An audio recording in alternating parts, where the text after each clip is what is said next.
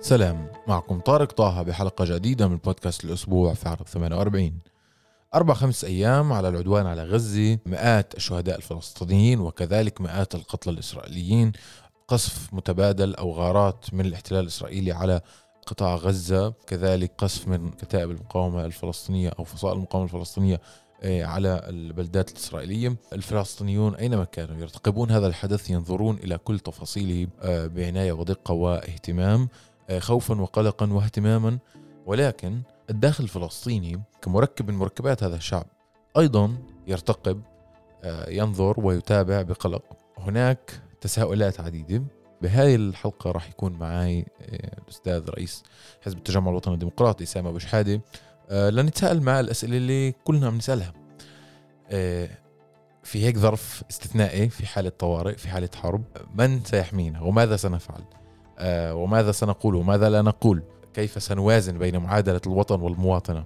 فكونوا معنا وبفترة الحرب اللي إن شاء الله تنتهي ببردا وسلاما وأمانا على شعبنا الفلسطيني هيك بلشين حاليا. وأعطونا ملاحظات على هاي الحلقة وأعطونا آه، مقترحات للضيوف لحلقات مقبلة.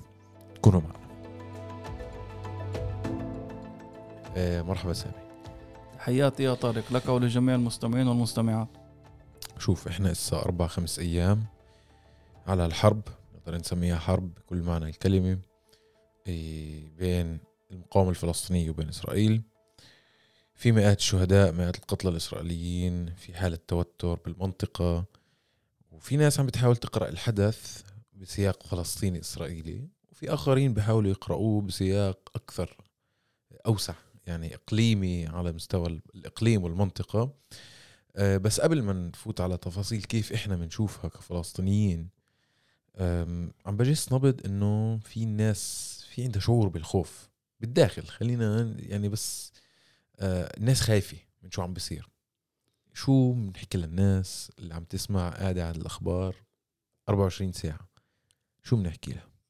أولا أخي طارق ما في شك أنه إحنا أمام حدث سياسي استراتيجي كبير جدا ستكون له يعني أبعاده إيه، السياسية والاستراتيجية على مستوى شعبنا الفلسطيني وعلى مستوى المنطقة.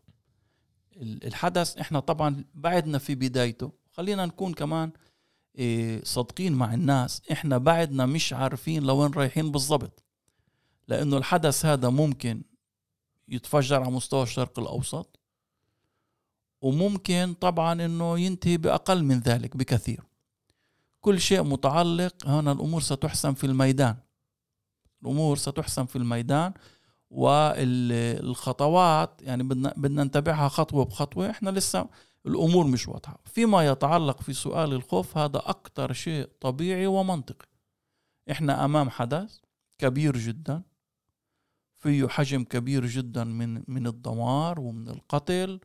وفي حديث على يعني أمور خطيرة جدا. إحنا عم نسمع من قيادات سياسية وعسكرية في إسرائيل على إبادة وعلى تدمير شامل لغزة وعلى تجويع وعلى يعني أمور صعبة جدا. وهناك في قتل في الضفة يعني بشكل دائم وفي إيه، في في تهديدات لنا إحنا في الداخل بشكل واضح. يعني خاصة ل يعني للأهل في في المدن الفلسطينية التاريخية في المدن المختلطة في يوميا تهديدات. وفي يعني غير التهديدات في القوة والقدرة أنه ينعمل ذلك بدون حساب بدون حسيب ولا رقيب. نحن نتفهم الناس. ولكن أخي في عنا كمان تجربة تاريخية طويلة جدا إحنا للشعب الفلسطيني. اليوم إحنا في الداخل مليون وسبعمائة ألف إنسان أخي طارق وفي عنا كل الموارد البشرية والمالية من أجل أنه نقدر نحمي نفسنا من أجل نقدر يعني نحمي قرانا ومدننا وأولادنا وبناتنا. هاي الشغلة بحاجة لتنظيم ولكن في عنا القدرة. طيب بعيدا عن سؤال الخوف في مرحلة اللي فيها إحنا بنحس حالنا دائما كفلسطينيين بالداخل خصوصا. صح إحنا امتداد لشعبنا الفلسطيني بكل مكان لكن في هاي الظروف اللي فيها مثلا حرب أو حالة طوارئ اللي انت بتقع بين سؤال المواطنة والوطن إيه، قلبا مع الوطن آه، وتتصرف بناء على المواطنة. آه، خوفا من آه، فقدان الوطن تنضبط إلى معايير المواطنة. أو في ناس بتوقع بالنص بين هذول المعادلتين. السؤال تبعي هو عن القيادة السياسية عن إنه الناس بتحس إنه هي بدها حدا يحكي باسمها. بدها حدا يعبر عنها بدها حدا يعطيها شعور بالأمان.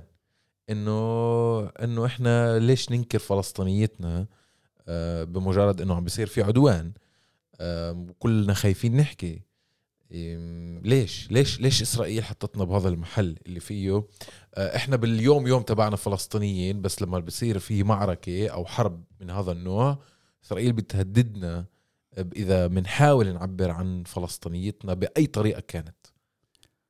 اولا إيه، أخي طارق فأنا عم بسأل بهذا المحل. ملان تناقضات يعني آه. ال-. الوضع اللي إحنا موجودين فيه ملان تناقضات. ما في كتير شعوب بالدنيا اللي إيه، عدو الدولة اللي هم يعني يعني اللي هي دولتهم الأساسي هو أبناء شعبها. ما في حالات بتشبه الحالة هاي. وعمليا يعني في أنت ترى مجازر يعني رهيبة يوميا. على مدار الساعة مش يوميا أخي. على مدار الساعة أنت كل يعني الناس قاعدة قبال الأخبار لأنه كل كم من دقيقة في خبر خبر مذهل خبر رهيب. و... وإسرائيل في كل لحظات الامتحان بترجع بتأكد اللي اللي استنتجوه. هم الجماعة بلجنة أور إنه إسرائيل تتعامل مع الفلسطينيين في الداخل كأعداء وليس كمواطنين. وإلا ماذا يعني كل التحريض اللي موجود علينا هلا إحنا من قبل بربريين فاشيين إيه، في كل ال social media إيه، على تهديدات لكل الفلسطينيين في الداخل خاصة في المدن المختلطة. وهدول الناس بدخلوش على السجن.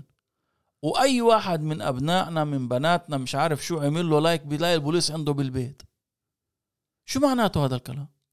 معناته أنه وقت الامتحان بشكل دائم هذا ما كنا نقول. أنه دولة إسرائيل لم تكن تاريخيا دولة ديمقراطية ولم تتعامل مع المواطنين يعني على أسس المساواة. وفي كل لحظة امتحان ببين هذا الموضوع. في وقت الجد تعيد إسرائيل تثبت أنها دولة عنصرية مبنية على الفوقية اليهودية ولا تتعامل مع المواطنين على أساس المساواة والعدالة. طيب بدنا نكمل نحكي عن إحنا ك بديش أنا بحبش أسمي حالنا اقليه يعني أنا بعتبر حالي جزء من شعب اللي هو موجود على فلسطين التاريخية بيمتد بين الداخل والضفة والقدس وغزة وبشوفش حالي أقلية. بس في الظرف الخاص اللي بنحكي عنه فيه بالداخل في الشعور بال... بال... بالوحدة أو بالضعف أحيانا. مرات بفكر إنه بسوى نحكي إنه لا. إحنا مش ضعفاء. نذوت نفسية الضعيف عنا. صح في حالة خوف صح في حالة ترقب في حالة حالة ترقب من المجهول. بس إذا بنطلع إحنا شعب مرق امتحانات كثير كبيرة بمحاولة طرد وتهجير والتهديد بالمو... بالوطن وبالمواطنة. تهديد وابتزازه بمكان عمله بمكان تعليمه بكل مكان. لكن وين الخط الرفيع اللي بينفع نمشي فيه بهالمرحلة؟ اللي فيه نعمل التوازن هذا. بين عدم فقدان فلسطينيتنا وموقف موقفنا الأخلاقي وبين التصرف بحكمة وذكاء بهيك ظرف. أولا أخي إحنا موقفنا كفلسطينيين هو الموقف الأخلاقي الوحيد اللي موجود اليوم بالساحة السياسية بإسرائيل. تخيل أنت في مجتمع كل أحزابه السياسية عن ماذا تتحدث؟ عن يعني الانتقام والانتقام بوحشية. المعارضة والائتلاف ما عدا الأحزاب العربية. جميعها تتحدث عن انتقام ووحشية وتجويع و... وتدمير. الوحيدين اللي عم بيحكوا خطاب إنساني وعقلاني هدول إحنا. فإحنا أولا موقفنا أخلاقيا هو الموقف الصح. موقفنا سياسيا هو الموقف الصح. موقفنا إنسانيا هو الموقف الصح. شو عم نقول؟ عم نقول إشي واضح أخي طارق أولا هاي المعركة بالأول بالآخر بيعجبهم بيعجبهم مش بدها تنتهي.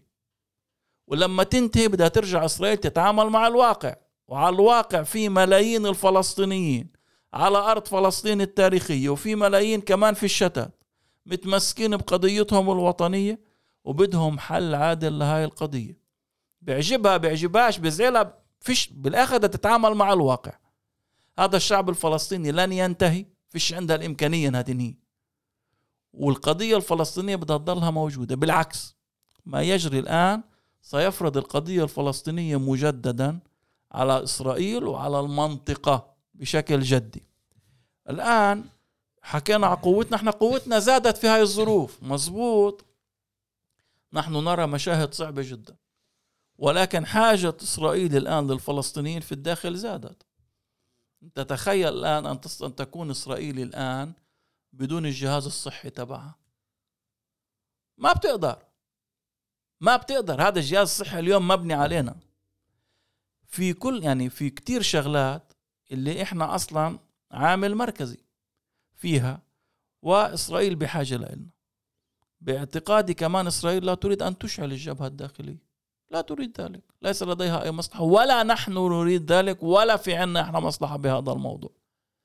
ما نريده إحنا بالعكس. نحن نريد وقف القتل ووقف المجازر ووقف هذه المعركة. نريد وقفها. نريد وقف سفك الدماء. نريد أن يكون هناك حل عادل.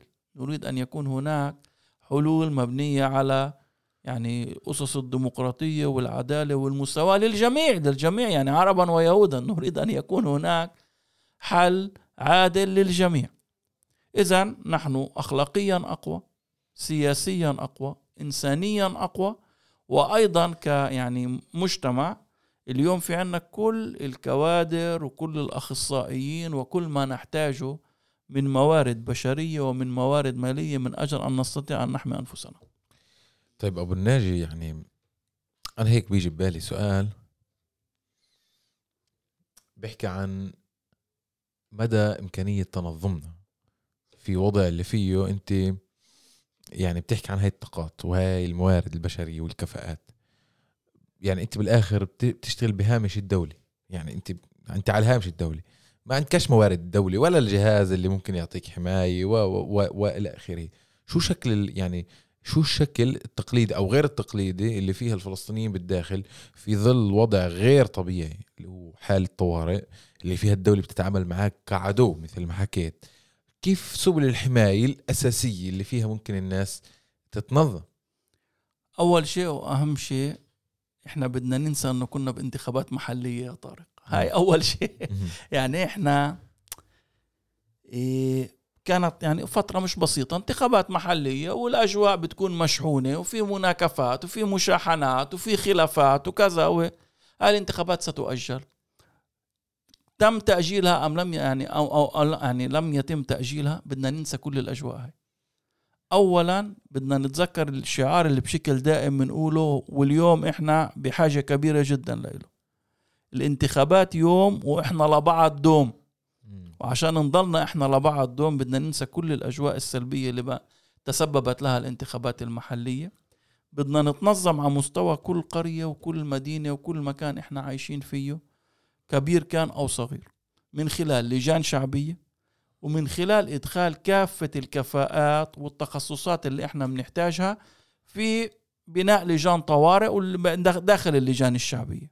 طبعا إحنا في عنا لجان شعبية في بعض القرى والمدن بدنا نعمم هاي التجربة وبدنا ندخل على هاي اللجان الكفاءات اللي إحنا بنحتاجها بمثل هاي الظروف. إحنا بحاجة إنه يكون في أطباء في مثل هاي اللجان. إحنا بحاجة إنه يكون يعني خبراء صحة نفسية في مثل هاي اللجان. إحنا بحاجة إنه أصحاب الدكاكين والمحلات التجارية تتنظم ويكون لها تمثيل في هاي اللجان. إحنا بحاجة إنه الصيدلانيين كمان يتنظموا ويكون لهم تمثيل في هاي اللجان. على أساس الأمور اللي ممكن تنقص الأمور اللي إحنا ممكن نكون بحاجة لها يكون في معانا ناس اللي جاهزين بشكل دائم لتقديم أي شيء بنقص لأهلنا ولناسنا ولمجتمعنا. أنا باعتقادي نحن قادرين إنه نتنظم. في عنا تجربة في عنا يعني كل الكوادر والتخصصات اللي إحنا بنحتاجها. وأنا من يعني من خلال منصتكم أخي طارق اسمح لي إنه أتوجه لكل الشباب ولطلابنا الجامعيين وللأطباء ولخبراء الصحة النفسية والعاملين الاجتماعيين وأصحاب المحلات التجارية كليتهم يكون لهم دور داخل هاي اللجان. من خلالها نقدر نشتغل على حماية شبابنا وعلى حماية قرانا ومدننا وعلى حماية مجتمعنا. طب أبو الناجي هيك إحنا قدلنا سؤال سؤالين هيك ننهي بدناش نطول كمان على اللي عم بيسمعونا لأنه كمان بحب أنوه لمستمعين بودكاست عرض 48 إنه بهي الفترة راح نعمل سلسلة حلقات بخص هذا يعني هذا الحدث اللي عم نعيشه كل يوم. بدناش نطول عليك وراح يكون عندنا حلقة كل كم يوم يعني. بس أبو الناجي إيه، سؤالي عن إنه إسرائيل بال 75 سنة كل حدث يعني مهما اختلفت آه، آه، حجم آه، يعني حجم تبعاته والأشياء الناجمة عنه دائما بتكون مفكرة إنه خلص إسا بدها تتخلص من هذا الشعب إسا بدها تتخلص من عبء هذا الشعب أو من العبء التاريخي تبع وجود هذول الفلسطينيين هون. وكل مرة بعد أي معركة أي حرب كانت آه، تصدم بنفس الحقيقة إنه الفلسطينيين مش راح يروحوا على محل يعني هن موجودين. هاي حقيقة اللي بدهاش تشوفها. بس أنا وإنت وكلنا لما نحضر الإعلام الإسرائيلي وبنشوف بنسمع إنه يحكوا تسأل حالك يا عم فيش فيهن واحد راشد يقول يا عمي أساس المشكلة هو مش حماس أساس المشكلة إنه في حصار وفي احتلال وفي شعب واقع تحت احتلال. حتى نفكر بل ندور على جذور المشكلة وبلكن نحلها من أساسها مش نسفك كمان دماء يعني ولا حدا سمعته بيحكي هيك. ليش؟ أستاذ المشكلة كمان إنه في حكومة يمينية فاشية متطرفة في في السنة اللي هي موجودة فيها أقل شوي من سنة. إيه، عدد الشهداء في الضفة والقدس كان رهيب. عدد المعتقلين إداريا التنكيل في الأسرة الاعتداءات على المسجد الأقصى بشكل دائم التحريض اليومي التضييق على الأهل في غزة التصريحات السياسية الرهيبة اللي عمالنا نسمعها أدت بالآخر لانفجار. يعني أنا يعني بدي أقول لك شغلة أخي طارق. يعني الجميع يتحدث عن مفاجأة مفاجأة مفاجأة. طب, طب أوكي في عامل مفاجأة. بس يا أخي يعني اللي اللي بيآمن إنه الفلسطينيين هم شعب وبشر كباقي شعوب الدنيا. يا أخي إحنا كمان بتشتغل علينا قوانين الفيزياء. في قانون واضح بالفيزياء بقول إنه قطر قطر الضغط بيؤدي إلى الانفجار. المفاجأة مش اللي صار المفاجأة أصلا إنه متفاجئين. إنه قدرة الشعب الفلسطيني على الصبر إنه أصلا يتحمل كل هذا. انه إنه قادر يتحمل المهام اليومية والحواجز. والاحتلال والحصار والقتل اليومي وشهداء وأسرى وجرحى ومعاقين وتجويع وسياسات عنصرية وتصريحات يوميا خطيرة وتج... وعملية يعني محاولة محو هويته ومحو انتمائه. يعني, يعني وتجاهل حقوقه. يعني أصلا أنه قادر يتحمل كل هذا. هذا هو الأمر المفاجئ أخي. مش أنه بالآخر في ردة فعل. طب ما في يعني في فعل اللي أدى إلى رده فعل. هل تعرف اليوم الاعلام الإسرائيلي بيحكي كأنه الدنيا بلشت ب 7 أكتوبر؟ طب ما في دنيا قبل 7 أكتوبر شو صار فيها هاي الدنيا؟ مين وصلنا لهذا الوضع؟ طب ليه ليش ما حدا بيحكي على مسؤولية الحكومة والسياسات العنصرية والفكر العنصري اللي ودانا لهذا المكان؟ طيب سؤال أخير أبو الناجي. يعني إحنا هسه بمرحلة اللي تفاصيلها زي ما حكيت بالبداية إنه هي مجهوله أو غير واضحة. طب بس أنت بتصورك يعني لوين رايحين؟ كيف الناس لازم آه، تكون مهيئة أو تستعد نفسيا على الأقل و بالمطلوب منها؟ أول شيء أو منك كناس بالداخل يعني. أول شيء أخي طارق إحنا بدنا نكون يعني ماخذين بعين الاعتبار إنه هذا التحضير اللي عماله يصير على مستوى الجيش الإسرائيلي و الباخرة الأمريكية البارجة اللي قربت على إنه إحنا رايحين على إشي طويل. قد يستغرق الكثير من الوقت فإحنا بدنا نحضر حالنا لإشي بده نفس طويل. وهذا النفس الطويل بحاجة إنه أول شيء كل الخلافات اللي نجمت من انتخابات محلية أو غيرها كل الخلافات اللي موجودة بيناتنا حتى النزاعات العائلية. حتى كل شيء كل شيء كل شيء. هذا يجب أن يعني ينطوي ويصير ورانا. بدنا نتصرف كشعب بدنا نتنظم كشعب. تكافل. على مستوى يعني كل يعني على كل المستويات. هذا بحاجة إنه كل واحد فينا ياخذ دوره. إحنا أمام يعني معركة طويلة. لسه ما شفنا يعني لوين ممكن تتطور الأمور. حتى, حتى هاي المشاهد البشعة اللي عم نشوفها هلا ما بنعرف إذا رح يكون في كمان أسوأ منها قد يكون. هنا وهناك ما هو أسوأ يعني أنا باعتقادي. ولذلك بدنا ندير بالنا على بعض بدنا نحمي حالنا بدنا نحمي مجتمعنا بدنا نحمي شبابنا بدنا نحمي صبايانا بدنا ما نعمل الأخطاء اللي كانت في هبة الكرامة 21 بدنا ندير بالنا من ال social media. ما بدنا نتناقل كل شيء ما بدنا ننشر على ال social media كل شيء ما بدنا نحط لايكات لشغلات. بدنا ندير بالنا ونتعلم من التجربة ونكون جاهزين من أجل أنه نقدر نجتاز هاي المرحلة. وباعتقادي في النهاية لا يصح إلا الصحيح. بعد هاي المعركة. بدها إسرائيل ترجع وتواجه الواقع. هناك ملايين الفلسطينيين موجودين على أرض فلسطين التاريخية. شعب صامد متمسك بثوابته الوطنية وهذا الشعب من أجل أنه تقدر يعني تعيش إسرائيل بأمن وأمان بدها توفر له كمان لإله الأمن والأمان وهذا لن يجري من خلال إيه، كل ما كنا نسمع عليه سلام اقتصادي وكأنه في خلاف على مصاري شوي بيننا وبين إسرائيل. أو تحسين شروط أو تحسين شروط العبودية يعني كما يعني كما يريدون أن يفعلوا. ما في حل إلا حل شامل وعادل للقضية الفلسطينية مبني على أساس الثوابت الوطنية الفلسطينية. بدون هيك بدنا نرجع نلاقي حالنا بنفس الدائرة المفرغة. طيب عن جد السؤال الأخير سامي. في لجنة متابعة اللي هي الإطار السياسي التمثيلي الأعلى للفلسطينيين بالداخل تشمل كل الأحزاب رؤساء السلطات المحلية. إيه شفنا منها آه، بعض المبادرات أو التصريحات اللي هي بديش أسميها خجولة لكنها يعني بعدها يمكن عم تحاول تستوعب الحدث كمان زيها زي أي حدا زي أي جسم سياسي آخر زي كلنا. بس شو بنتوقع من تنظيماتنا السياسية أحزابنا السياسية اللجنه القطريه لرؤساء السلطات المحلية لجنة المتابعة بهيك ظرف. هل هي هل هل أنا كحدا آه، بسيط شاب بقدر افق يعني إنها ممكن هي تكون الموجه تبعي أو اللي بدها توفر لي الأمن والأمان؟ في في ظل إنه الدولة مش عن جد بتوقع منها تعمل معي هيك في حالة غير في حاله في حالة الاستثناء أو في حالة الحرب. طبعا اولا اولا في مثل هاي الظروف نحن دائما مع النقد البناء وكل شيء ولكن في مثل هاي الظروف أخي طارق اولا نتوحد حول أطرنا وقياداتنا السياسية وأحزابنا وبالأساس حول لجنة المتابعة اللي هي مظلة تجمع تحتها كل حركاتنا السياسية وأطرنا السياسية مع كل الخلافات. هذا الإطار في مثل هذه الظروف يجب علينا أن نقوي وأن نحافظ عليه لأنه عندنا مصلحة أن نتصرف كشعب.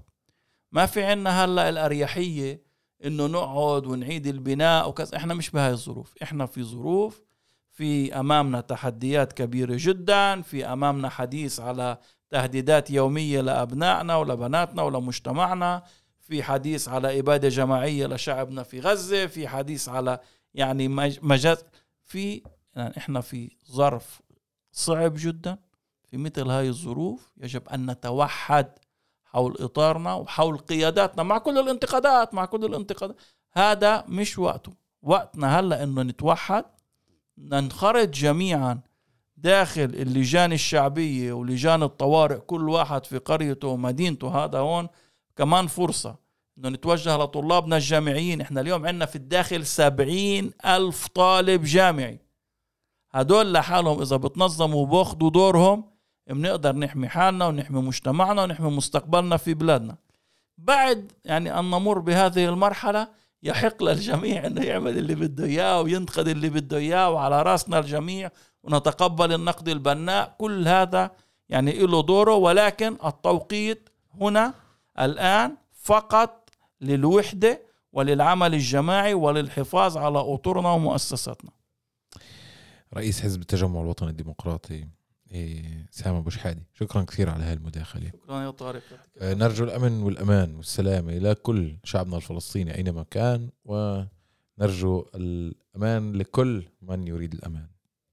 يعطيكم العافية. يعطيك العافية. طيب أعزائنا المستمعين هيك بنكون وصلنا لنهاية حلقتنا من بودكاست الأسبوع في عرب 48 بدي أطلب منكم طلب اللي لسه ما عملناش متابعة على منصات البودكاست المختلفة Spotify Google Podcast Apple Podcast تنسوش تعملوا لنا متابعة. اسا اعملوا لنا متابعة كثير بيساعدنا تنسوش تبعثوا لنا مقترحاتكم وملاحظاتكم على الحلقات السابقة وعلى مقترحات لحلقات قادمة وللأسبوع القادم لقاء آخر. يعطيكم العافية.